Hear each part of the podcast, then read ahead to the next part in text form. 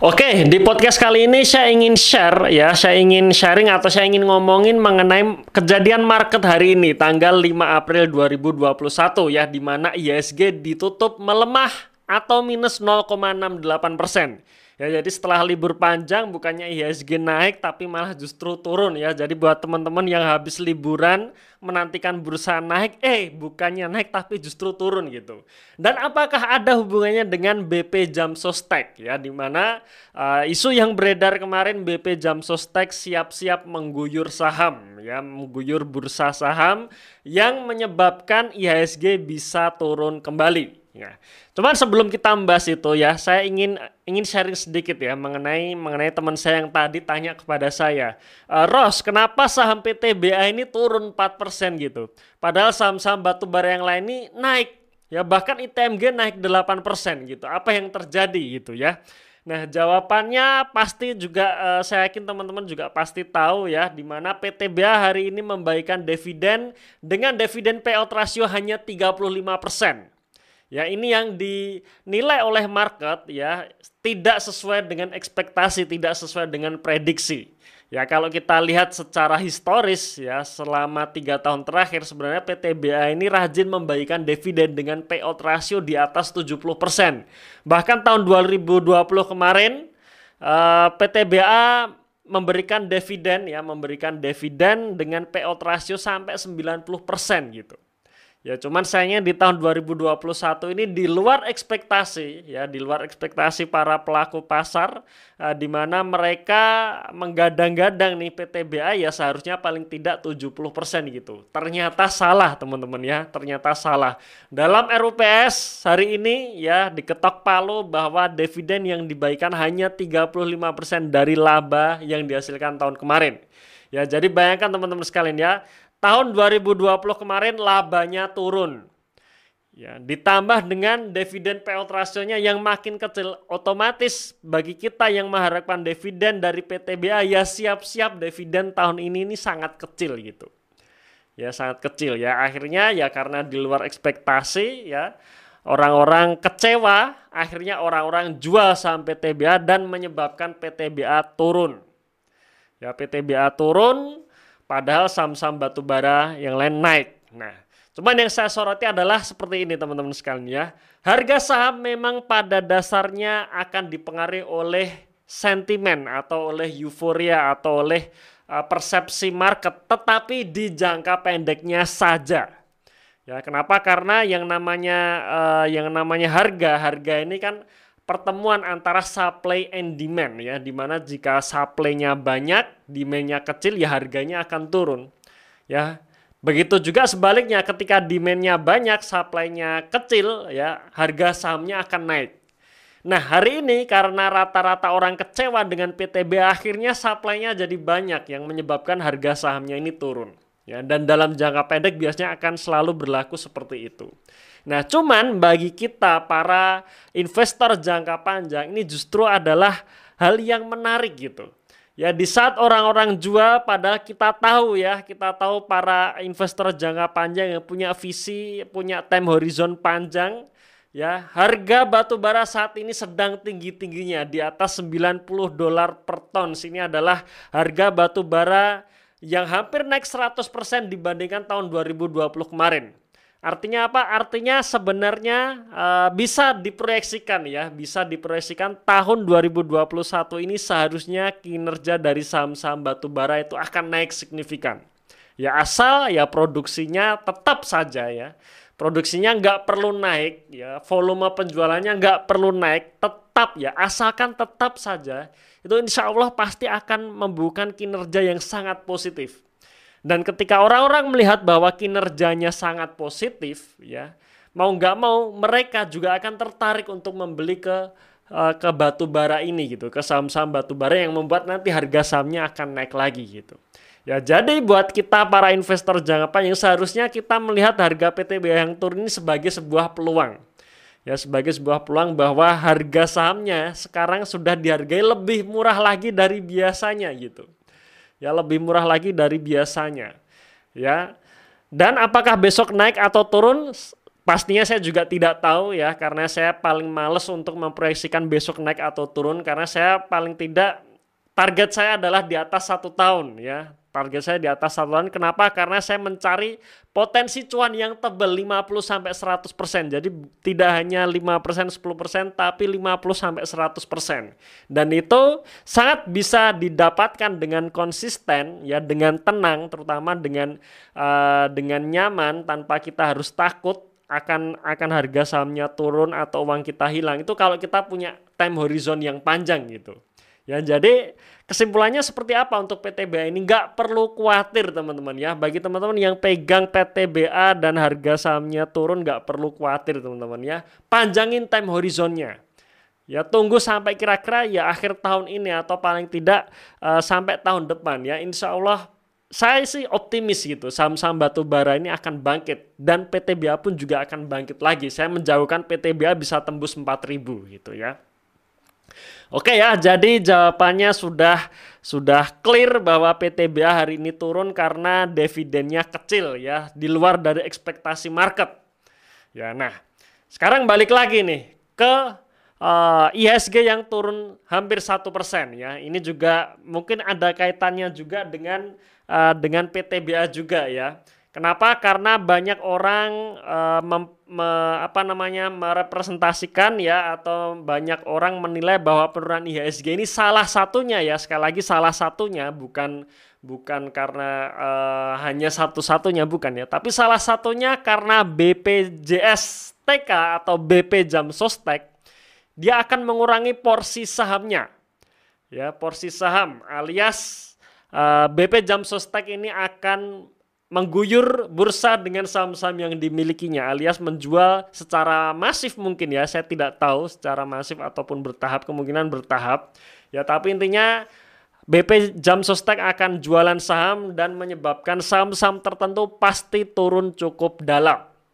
Ya nah sekarang akan kita lihat nih kira-kira uh, apa sih BP Jam uh, apa namanya saham-saham yang dipegang oleh BP Jam Sostek dan kira-kira uh, kira-kira berapa banyak ya berapa banyak saham-saham yang yang uh, apa namanya yang akan diguyur di market gitu ya. Oke kita bahas dulu nih mengenai portofolio dari BP Jam Sostek ya jadi kalau kita lihat ya, kalau kita baca di berita ya, sayangnya informasi ini uh, saya beri disclaimer dulu ya. Informasi ini saya ambilkan hanya dari berita saja ya, dari dari news. Ya, kenapa? Karena saya tidak menemukan laporan keuangan BP Jam Sostek terbaru ya. Jadi terakhir itu di websitenya uh, laporan keuangan yang terbaru masih di tahun 2019 Ya artinya itu sudah terlalu lama untuk kita kita analisa. Oke, okay, sorry. Ya, jadi itu sudah terlalu lama ya 2019. Jadi bahkan tahun 2020 pun ya 2020 triwulanan pun itu tidak ada gitu. Jadi kita ya blank gitu ya. Kita sebagai sebagai investor yang selalu analisa laporan keuangan untuk analisa BP Jam Sostek ya pastinya blank ya. Jadi saya ambilkan dari news khususnya CNBC. Ya karena datanya banyak dari CNBC ini. Kemudian uh, di mana news ya, di mana si NBC ini mendapatkan data karena uh, dari dari setahu saya ya, setahu saya dari uh, pertemuan pertemuan antara direktur utama BP Jamsustek ke DPR ya laporan ke DPR. Kalau nggak salah ya, nanti teman-teman bisa baca lagi beritanya ya karena saya lupa. Ya oke, tapi kita bahas sekilas saja ya mengenai BP Jamsostek. Jadi BP Jamsostek ya Total kelolaan dana investasinya saat ini mencapai kurang lebih 480 triliun rupiah. Ya 489 triliun rupiah itu angka yang sangat besar. Ya dari mana BPJS dapatkan dana sedemikian besar ini? Ya dari iuran kita ya dari iuran kita yang kita kerja di perusahaan pasti kita membayar iuran BPJS ketenaga kerjaan. Dan dan iuran inilah yang akan dikelola oleh BP Jamsostek ya. Dan dikumpulkan itu sebesar 489 triliun. Ini besar banget ya. 489 triliun sebenarnya porsi terbesarnya bukan dari saham ya. Bukan ditempatkan di instrumen saham melainkan di obligasi Ya, jadi sekitar 65% kelolaan dari BP Jamsostek itu ada di obligasi. Ya, obligasi ini termasuk aman ya. Sebenarnya mengenai aman atau tidak kita juga belum tahu karena apakah yang di uh, dibeli ini adalah obligasi pemerintah atau obligasi korporasi. Cuman kalau saya lihat uh, saya baca beritanya sepertinya porsi terbesar masih obligasi pemerintah atau Sun yang artinya Sun ini uh, resikonya nol ya. Zero risk zero risk untuk obligasi pemerintah ya. Karena sepanjang negara Indonesia ini masih berdiri ya dan sepanjang uh, rakyat maupun perusahaan ini terus membayar pajak insya Allah negara Indonesia tetap akan membayar kewajibannya ya berupa kupon maupun uh, pengembalian pokok dari obligasi yang diterbitkan gitu ya. Nah terus berapa pengelolaan di saham? Di saham hanya sebesar 14 persen Ya, jadi sebenarnya kecil. Jadi sebenarnya uh, risk profile dari BP Jam Sostek ini sudah terukur, sudah tepat menurut saya ya. Uh, instrumen yang me, uh, bisa ya atau punya potensi untuk memberikan return besar tetapi dengan risiko besar itu adalah saham dan porsinya kecil 14%.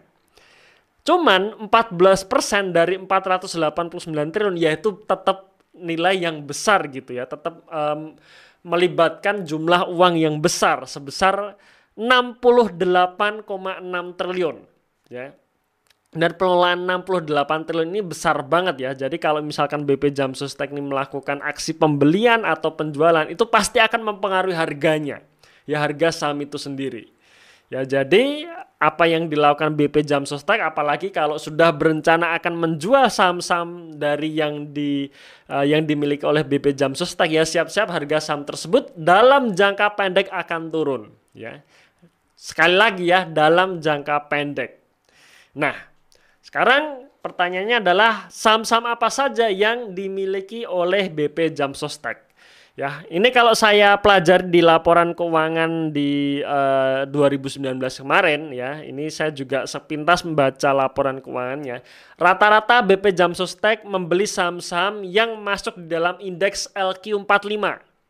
Artinya uh, komposisinya tepat ya, penempatannya tepat. Kenapa? Karena ketika bicara mengenai dana yang besar ya, bicara mengenai apalagi uh, eh, BP Jamsostek ini bicara mengenai investasi yang jangka waktunya cukup pendek seharusnya ya. Karena ada klaim ya berbeda kalau private equity. Private equity pastinya uh, time horizonnya lebih panjang ya lebih panjang. Beda kalau seperti asuransi. Asuransi biasanya time horizonnya lebih pendek. Nah kalau lebih pendek maka dia harus membeli instrumen yang liquid. Artinya ketika sewaktu-waktu uh, dia akan membeli atau menjual dalam jumlah yang besar, itu marketnya ada gitu. Jadi jangan sampai kalau misalkan uh, dia dia terpaksa harus membayar klaim, dia harus harus uh, menjual instrumen investasinya dan ternyata marketnya tidak ada atau tidak liquid, dia akan kesulitan menjual instrumen investasinya dan apa yang terjadi ya yang terjadi akhirnya gagal bayar ya seperti seperti uh, seperti berita-berita kemarin ya di mana banyak sekali aset manajemen yang gagal bayar karena dia membeli saham-saham atau instrumen investasi yang tidak liquid. Nah, kira-kira seperti itu ya.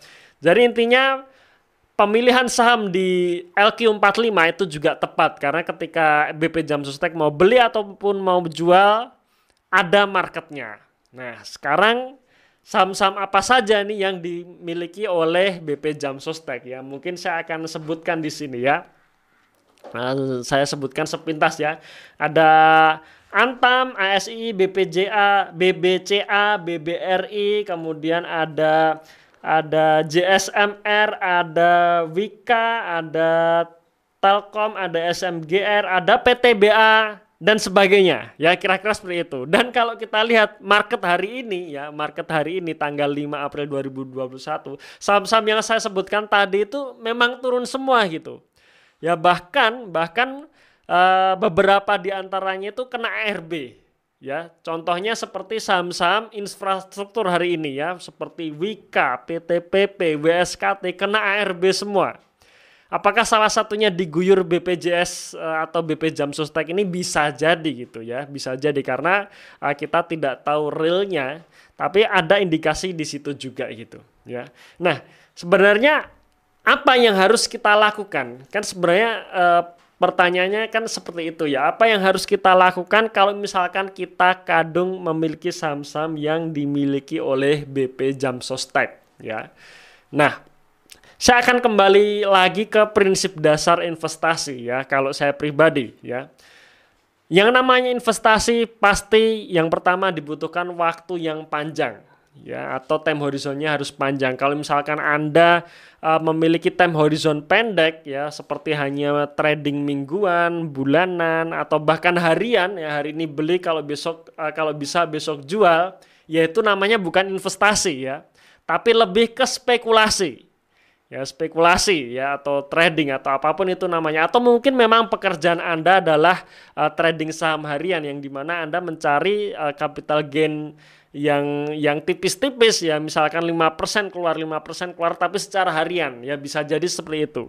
Ya itu juga nggak masalah. Tapi intinya adalah ketika kita kembali lagi ke prinsip investasi maka pertama kali yang harus kita cermati adalah time horizonnya harus panjang ya jadi kita nggak bicara mengenai satu hari ya nggak bicara mengenai satu minggu nggak bicara mengenai satu bulan. Tapi panjang. Kalau saya sendiri paling minimal satu tahun ya. Biasanya di atas satu tahun. Ya. Kenapa? Kenapa harus panjang? Ya selain yang pertama karena prinsip investasi harus panjang memang time horizonnya. Yang kedua supaya kita lebih tenang ya lebih tenang lebih rileks lebih nggak deg-degan ya lebih santai lebih lebih bisa mengurusi hal-hal lain daripada hanya melihat chart yang ada di monitor setiap harinya ya ini penting ya buat kita terutama buat kita yang memiliki rutinitas lain di samping harus mengamati chart saham harian gitu ya. Jadi time horizon harus panjang. Kemudian yang kedua balik lagi ke valuasinya gitu. Apakah kita membeli saham itu saat valuasinya sedang murah atau mahal gitu. Ya, saat memang harganya lagi menarik untuk dibeli atau sudah kemahalan. Karena yang namanya yang namanya saham ya ini tidak berbeda buat saya ya, tidak berbeda dengan kita melakukan bisnis di biasanya gitu. Ya kalau misalkan kita bisnis ya harapannya kita bisa bisa untung ya, bisa naik ya. Ketika kita bisa mendapatkan laba atau bisa menghasilkan laba, labanya balik lagi ke modal, modalnya naik, ekuitasnya naik. Ini yang membuat valuasinya bisa kita hargai lebih tinggi Nah sekarang pertanyaannya ketika kita beli saham ya, jadi selain fundamental yang bagus, harganya ini juga bagus enggak ini? Ya, atau jangan-jangan kita belinya kemahalan. Ketika misalkan uh, harga saham ya, sorry, valuasi wajarnya misalkan ya atau nilai intrinsiknya atau nilai wajarnya kira-kira seribu tapi Anda belinya di 3000 ya ini jadi tidak menarik gitu ya untuk investasi. Yang menarik adalah ketika kita bisa menilai valuasi sahamnya seribu Ya, dan harga saat ini masih 500. Nah, ini yang menarik gitu. Ya, ini yang menarik. Ya, jadi kalau kalau kita kembali lagi ke prinsip investasi tadi ya, kita kembali lagi nih kita eh, apa namanya? kita cek lagi kira-kira saham yang kita beli apakah memang harganya sudah kemahalan atau memang sudah murah sebenarnya. Ya, dan kalau saya lihat saham-saham yang ARB hari ini ya seperti Wika, PTPP dan sebagainya memang memang valuasinya mahal sejak sejak Januari kemarin ya di mana harganya sudah mencapai puncak itu sudah mahal gitu. Ya, jadi memang menurut saya ya wajar sekarang turun gitu. Ya. Nah, lalu apa yang harus kita lakukan untuk uh, untuk keluar dari saham ini karena kita sudah kadung membelinya di harga yang mahal gitu ya. Kalau pengalaman saya supaya untuk memperkecil cut loss, jualnya saat IHSG-nya bullish. Ya, jadi beres-beres portofolio saya biasanya akan beres-beres portofolio saat IHSG bullish ya, karena kita sudah kadung nyangkut dan nyangkutnya sudah kadung turun. Ya, jadi menurut saya tunggu saat IHSG bullish baru kita beres-beres portofolio gitu. Ya. Nah, oke, ini mengenai uh, apa namanya mengenai tahapan atau apa yang harus kita lakukan ketika kita sudah kadung beli saham di harga mahal gitu ya. Nah, semoga uh, semoga podcast kali ini bisa memberikan tambahan wawasan ya Uh, semoga bisa bermanfaat. Silahkan uh, teman-teman jika ingin menghubungi saya, teman-teman bisa follow Instagram saya Erose Perwita, kemudian bisa DM saya. Insya Allah nanti pertanyaan dari teman-teman akan saya uh, saya jawab di podcast selanjutnya ya. Dan juga teman-teman silahkan kunjungi blog saya investgo.id ya. Di situ saya nulis blog, siapa tahu bisa memberikan tambahan wawasan pada teman-teman sekalian. Oke, terima kasih sudah mendengarkan podcast ini sampai akhir ya. Tunggu podcast saya selanjutnya dan salam pasif income.